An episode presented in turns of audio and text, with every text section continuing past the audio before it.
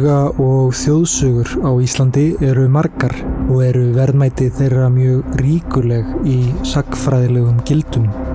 Oft vísar draugasagan í söguliðna atbyrða af ákveðnum stöðum en í flestum tilfellum er hún bundin við hjátrú. Skrítnast er þó ef draugurinn byrtist aftur og aftur yfir margra ára skeið og heldur sig við ákveðin stað. Slíkir draugar eru heldur minnlausir en hinn sem eru á sífældum erli. Góðir hlustundur, ég heiti Fjölnir Gíslason og þið eruð að hlusta á Draugavarpið.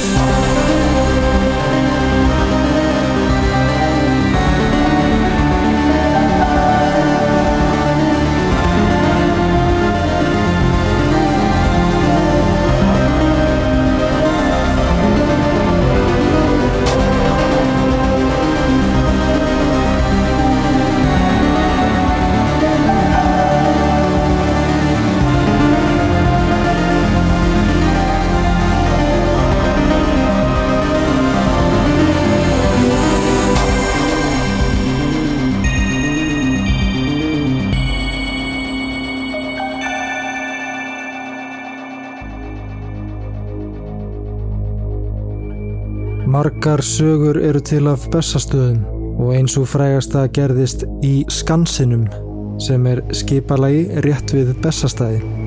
Þar lágu þrjár skipsafnir til útróðrar og komu sjaldan heim. En vinnukona sem hétt Anna var þar og færði þeim kaffi á mótnana áður en þeir rýru út. Einn af formönunum hétt Eirikur sem lengi var vinnumadur á bessastöðum. Einn morgunin fyrir dag kom Anna út og ætlaði að fara að hitta kaffi handa piltunum. Hún sá þá alla 16 mennina koma á móti sér, allir sjóvotir. Henni þótti þetta kynlegt og kallaði á þá eru þið lendir, piltar? En þeir söruðu yngu. Síðan fór Anna inn og þar eru þá allir piltarnir, órónir og óskinn klættir. Hún segir þá við þá. Róið þið ekki í dag, piltar. Ég hef séð fylgjurnar ykkar. En þeir hlóðu aðinni og réru allar þrjár skipsafnunar. Um daginn kom Anna heim að bestastöðum og sagði það myndi ekki fara vel fyrir piltunum í dag og sagði frá hvað hún hefði séð en fólki bað hana að vera ekki með slíkan þvæling. Um daginn gerði svo manndráp spil og týndust margar skipsafnunar og þar á meðal þau tvö skip sem Anna sá fylgjur mannana. Árið 1987 hófust umfangmestu fordleifaransóknir sem enn hafa verið gerðar á Íslandi en sá staður hefur tengst umfram allt sem aðsettur forsetta á Íslandi frá því það var stopnað til embætis árið 1944. Bessa staðir kom í ljós að undir þar voru alltaf 3,5 metra þykk mannvistar lög sem hlaðist höfðu upp af eldri mannvistar leifum. Rannsóknir fordlefa fræðinga hafa leitt í ljós að fyrstu íbúar á bestastöðum settust þar að á landnámsöld og búsetta hefur verið þar óslitið síðan. Á þjóðveldisöld bjóð þar skaldið Snorri Sturluson eins og getið erum í Íslendingasögu Sturlu Þórðarssonar. Eftir dauða Snorra sló Noregskonungur eign sinni á staðin og síðar hluta miðalda sátu í konungsgarði á bestastöðum æðstu fulltrúar Erlends vals á Íslandi. Við innveldistöku Danakonungs breytist Hérlend stjórnsísla talsvert og árið 1688 urðu bestastæðir embættisbústæður fulltrúa konungs, landfóketa og antmanns. Allt þar til yfirstjórnlandsins fluttist til Reykjavíkur. Bessastaðastofa var beigð 1761 til 66 í Antmannstíð Magnúsar Gíslasonar. Árið 1805 fluttist Hólavallaskóli eini lærði skóli landsins til Bessastaða og hlaut þá heitið Bessastaðaskóli. Hann starfaði þar til 1846 og var síðan fluttur til Reykjavíkur. 1867 egnaðist skáldið og þingmaðurinn Grímur Thomsen bestastæði og bjóð þar tæpa tvo ára tugi. Eftir að hann lést árið 1896 kefti Landsbanki Íslands bestastæði, Lamphús og Skansinn af Ekkju Gríms, Jakobínu Jónsdóttur. Skúli Tórótsen, rittstjóri og alþingismadur og konan hans Theodora Tórótsen, skaldkona, kiftu Bessastæði 1898 og bygguð þar raustnar búi með börnum sínum 12 til 1908 og áttu jörðina þar til skúli lést árið 1916. Ári setna egnaðist Jón Helgi Þorbergsson bondi á samt konu sinni Elinu Vigfúsdóttur Bessastæði og það var á þeim tíma sem draugurinn á Bessastöðum sást fyrst.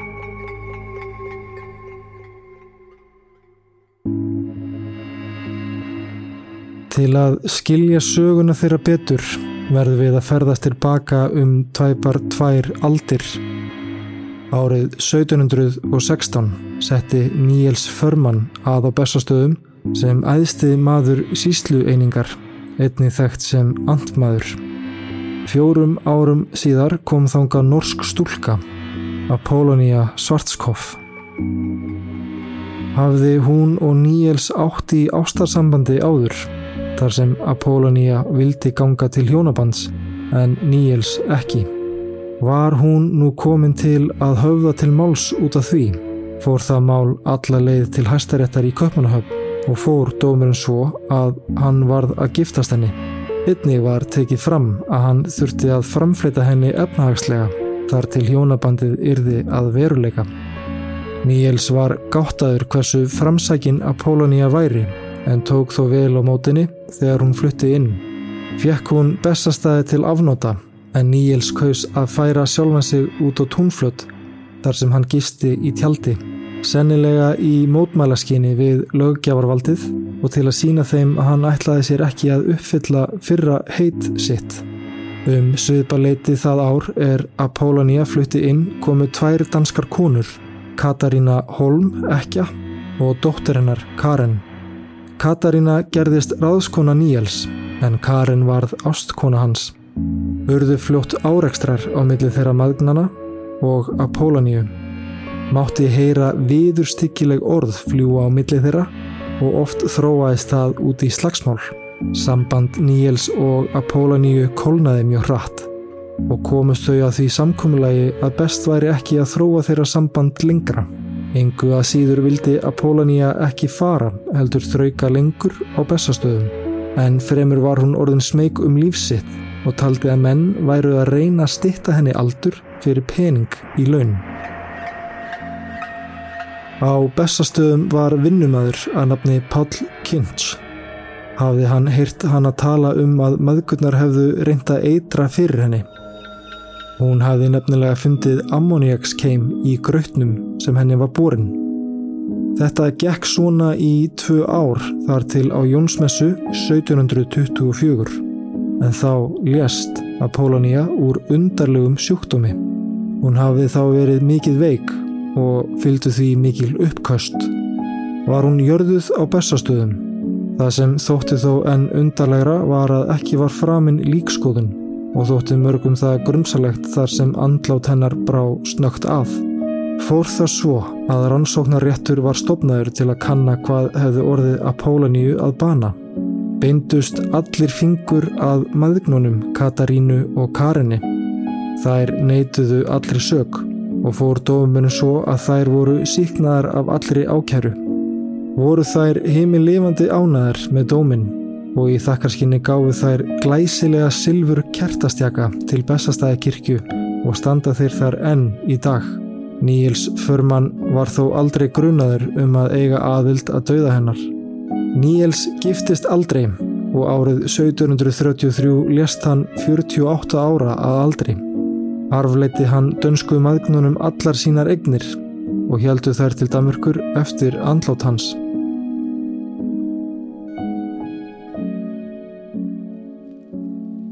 Ferðumst við nú áfram um tvær aldir. Jón Helgi Þorbergsson kom til Bessastæða til þess að setjast þar að 10. mæ 1917. Hann hafði ráðið tvær vinnukonur til að annast heimilistörfin. Annað fólk var ekki í húsinu. Um kvöldið bað hann stúlkunnar að vekja sig morgunin eftir klukkan hálf sjö og færa sér kaffi. Hann háttaði í siðsta vesturherbrygginu sem staðsett er á jarðhæðinni.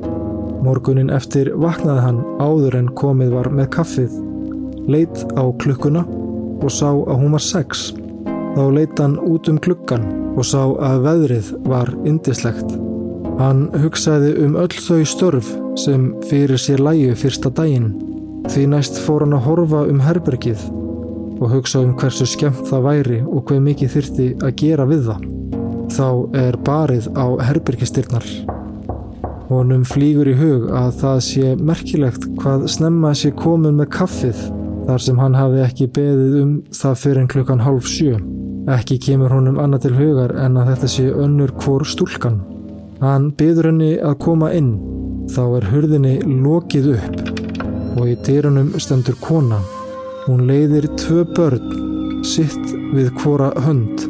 Þau eru pínu lítil eins og nýfætt börn en með augun aftur. Líflaus en samt er eins og þau standi á golfinu.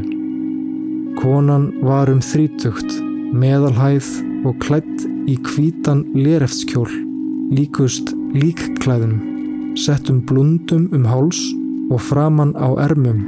Engu öðru var hún klætt og var berfætt. Hafiði hún þygt hár, ljóst á lit sem greitt var aftur ófléttað. Það var blöytt og sáist greiðuförin í hárunu eftir grófa greiðuna. Jón aðtugar konuna vandlega. Hún bara stóð þarna áökifull á svipin.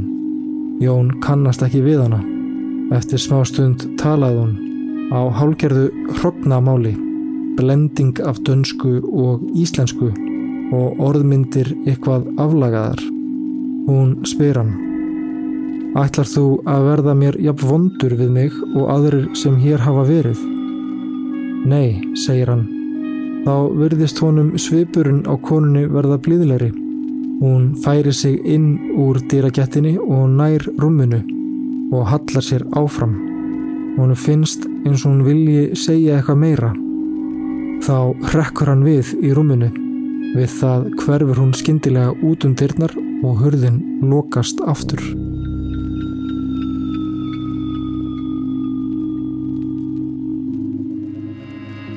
Þá finnur hann að hann hafi verið í óvinnilegu ástandi meðan á þessu stóð en hann neytar því þverlega að þetta hafi verið vennilegur svepp. Hann ræður það af því að hugsanirnar um störf dagsins og herbergið hafi verið óslittnar og skýrar fram að þeirri stund þegar barið var á hurðina og konan byrtist. Hann hvaðist hafa verið með öllu ósefjaður þegar hann leid út um gluggan og sá hvað veðri var gott en það ríkt í hugunum hvað mikið verk lægi fyrir honum þennan fyrsta dag á bestastöðum. Hann telur það fjärstæðu að hugsa sér að hann hafi sopnað. Líða nú þrjú ár eða haustið árið 1912 var Jón þá að reyna fyrir sér í andaklassi á samt Elínu konu sinni og frú Margreti Magnúsdóttur úr Reykjavík. Þau sem yfka þessar tilurnir byrja á því að raða öllum stöfum í stafrónu á borð í boga eða hálfring og styðja með fingrinum á glas sem kvólt er á borðið. Ef glasi hreyfist skal einhver viðstatur rita niður alla þá stafi sem glasi bendir á og lesa úr því eftir á. Mun annarkvort Elín eða Margret hafa rita niður hvað kom úr andaglasunu en eru þær heimildir því miður glataðar. Sagan segir svo að glasið hafi hrifst og stafaðist nafnið Böge og hvaðst gesturinn vera danskur maður. Jón spurði hann hvort hann vissi nokkuð um kærustu Níels Förmans, gesturinn hvað svo vera og tjáði sér fúsan til þess að ná í hana.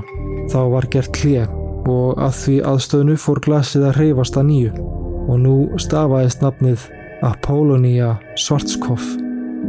Jón spurði hana hvort það hefði verið hún sem hefði byrst sér með börnin og hún játaði því. Þá spurði hann hvernig á því stæði að hún væri svo bundin við þennan jarneska heim. Hún sagði að það væri af því að hún hefði syndgað svo mikið. Hverjar eru syndirnar, spurði hann og svarið var að hún hvaðst sjálf hafa tekið inn eitur og kent öðrum um. Jón spurði þá hvernig stæði á börnunum sem hún hefði verið með. Hún sagðist hafa gengið með þessa tvíbura þegar hún hefði fyrirfarið sér. Að lokum spurði hann hvað hún hefði ætlað að segja þegar hann hefði hrokki við. Hún sagðist hafa ætlað að byggja hann að byggja fyrir sér. Þar með var þeirri tilraun lokið. Þann tíma sem Einar Há Kvaran bjó á Bessastöðum nokkru síðar bar það svo að að kona hans Gíslína Gísladóttir nöyt ekki kvildar í svefni. Hún hafði orðið vör við einhver ókennileg áhrif, engum í rúmunu á kvöldin, rétt eins og hún yrði fyrir veikum ramakströmi. Varð hún maglaus og eins og berðrennari en áður. Einhvert veginn komst inn í hugar hennar að þarna væri ósynileg vera á sveimi sem eitthvað gengi að og væri að leita liðsinnis. Ákvað hún því að hugsa gott til verunar og byggja fyrir henni ef hún væri nokkur. Einar segir, nú brá svo við þegar hún fór að gera þetta að mátturinn tók að aukast og líðaninn að verða betri. Svo var það eitt kvöld ekki lungu síðar þegar magleysið var liði frá að við hjónin lágum vakandi í rúmum okkar þá sá kona mín kvenveru koma frá einu horninu í Sötnherberginu, ganga fram hjá rúmköplunum og staðnæmast við rúmhliðina hjá sér. Hún sá veruna algreinilega Hún hjælt um hárið ófléttað með vinstri hendinni líkast því sem hún væri eitthvað að gera við það. Hægri hendinni hjælt hún á lofti og það flög í gegnum huga gíslinu hvort hún væri að greiða sér. Þá sagði hún við mig. Nú hefði ég þó áreðanlega séð nokkuð. Þetta er ekki missýning. Veran virtist glæðileg, brosleitt og kinkaði kolli til gíslinu. Meðan veran var á leiðinni fram með rúmunu fannst gíslinu leggja um sig algjert máttleysi, þá kvarf sínin. Í tíð Sveins Björnssonar, fyrsta forsetta Íslands, vildi það svo til að Elisabeth dóttir hans dvaldi á bestastöðum dálítinn tíma með litla dóttur sína. Þær maðgur sváfu í herbergi upp á lofti og var stúlkan í litlu rúmi fyrir framann rúm móðu sinnar. Eina nóttina vaknaði Elisabeth við það að henni fannst að dyrnar opnist og inn komi vera sem hún hefur á tilfinningunni að sé kvenvera frekar en annað en hún sá hana mjög ógreinilega. Veran gekk að barnarúminu og beigði sig yfir barnið en Elisabeth var hrætt og dró sangina yfir höfuð. Þegar hún leitt upp aftur sá hún á eftir verunni út um dyrnar. Solveig Pétursdóttir, Eggerts listmálari, dvaldi ofta á bössastöðum og segir að ímislegt hafi gerst, meira að segja um hábjartan dag sem henni finnst erfitt að skýra. Ásker Áskersson hann bauð mér að koma að bessastöðum ég vildi gera vasslítamindir af ímsu sem þar var að sjá sem að var skemmtilegt og ég gerði nokkrar innanhús stúdjur þar allir ekki við 1961 um veturinn og haf, ég hafði mjög miklu ánæg af því að bæði að kynnast fórsetahjónunum frú Dóru Þórastóttir og Áskir Áskirsinni þau höfðu margt að segja mér og ímislegt um að spjalla. En ég hafði áður kynst Jóni á Laksamýri sem hafði búið á Bessastöðum áður en það var fórsetabústaður og hann hafði sagt mér af ímsu sem hann var, var við í húsinu.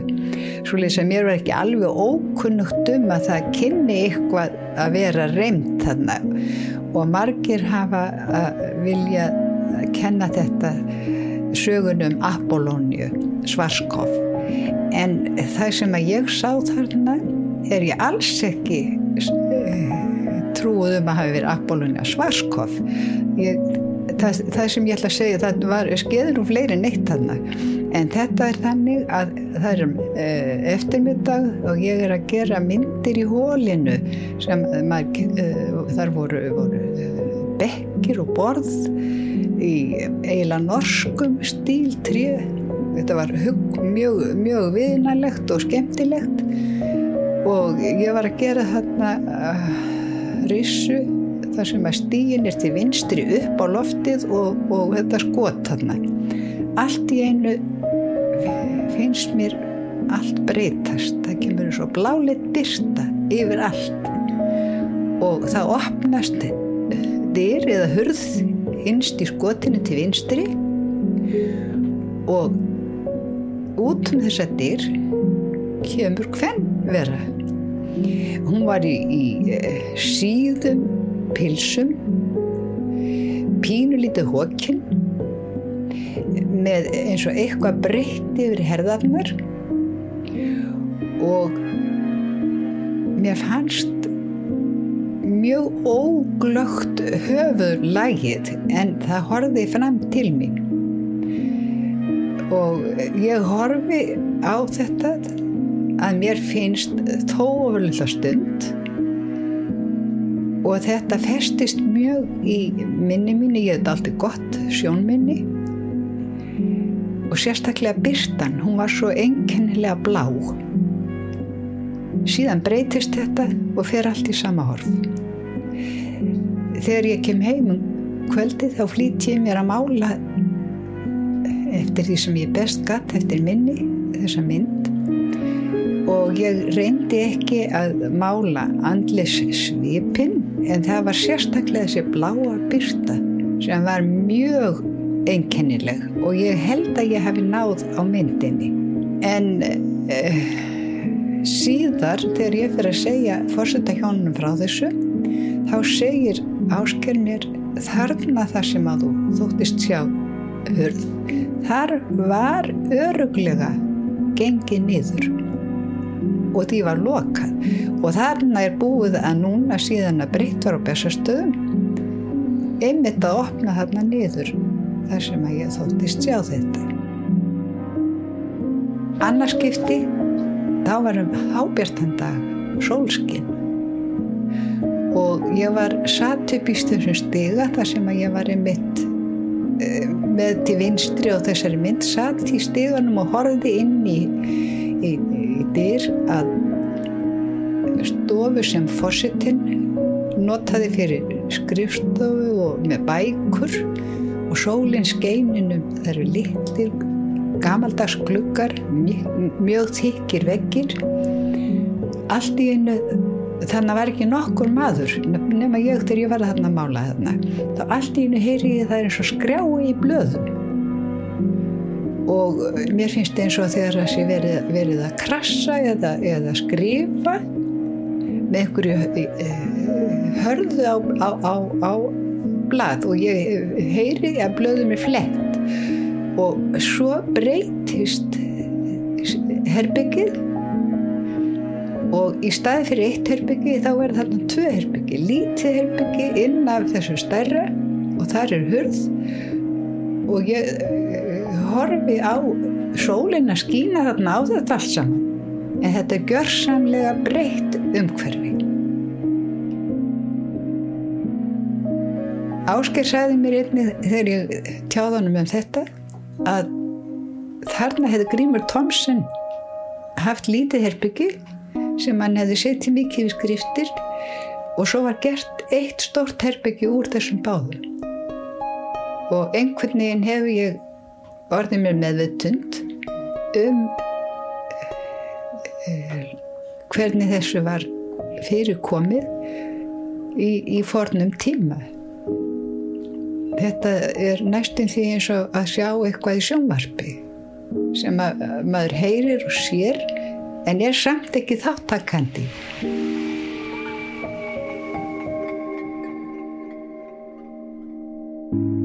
Bessastæðir hafa lengi verið taldir reymdir og eitthvað dula fullt sé á kreiki þar sem ekki á heima í okkar jarneska heimi. Sumt að því þó alls ekki allt sem tengist Apollonia Schwarzkopf og fleiri en Jón telja sig hafa verið hennar vittni. Er til saga af vinnukonu frá bestastöðum sem segist oft hafa séð hana standa álengdar í forstofunni og fylgjast með þeim gestum er gengju í bæin. Vildi vinnukonan meina að hún væri að taka á móti gestunum. Vigdís Fimboðdóttir, fyrirvarandi fórsiti Íslands, sagði í viðtali árið 2017 að hennar fyrsta verk er hún flutti inn á bestastæði var að bjóða staðardrauginum velkomin. Er Vítis var spurð hvort gott hefði verið að búa á bestastöðum, svaraði hún Já, það var mjög gott að vera hér. Það var sagt að hér væri draugagangur en ég bauð þann fræga staðardraugi velkomin þegar ég settist hér fyrsta daginn. Ég sagði Apollonia Schwarzkopf Ef þú ert hérna einhver staðar, þá ertu hjartanlega velkomin að búa hérna með mér.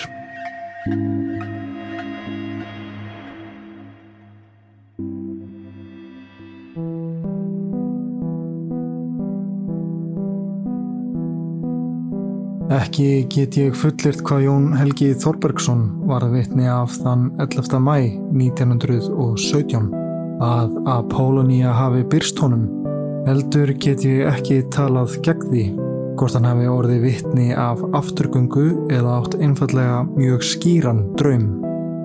Líkt og kom fram í seinasta þætti þá samkvæmt vísindum er ekkert yfirnáttúrulegt við drauma. Sennilega hefur Jón mögulega hirt talað um Apolloníu áður en atveikið átti sér stað þó hann þvertaki fyrir það sjálfur. Tiltekin minnisvettfangur líkt og bestastæðir geta búið yfir mörgum ólíkum frásögnum sem enn fremur taka breytingum á ólíkum tímaskeiðum. Drauga, sögur og frásagnir af reymleikum geta endurspeiklað glimtar og þakkaðar minningar sem hafa vofulega nerveru í samtímanum. Flestir sem flytja að bestastöðum heyra á endanum um söguna af Apolloníu og finna jafnvel til með henni og hennar örlugum. Hvort fólk hafi orði vittni af hennar nærveru get ég ekki neitað, en eitt er þó með vissu að ef Apollonia Schwarzkopf sé enn bundin okkar jarneska heimi, þá erum við sem þjóð einnig bundin henni og hennar minningu sem lifir áfram á bestastöðum.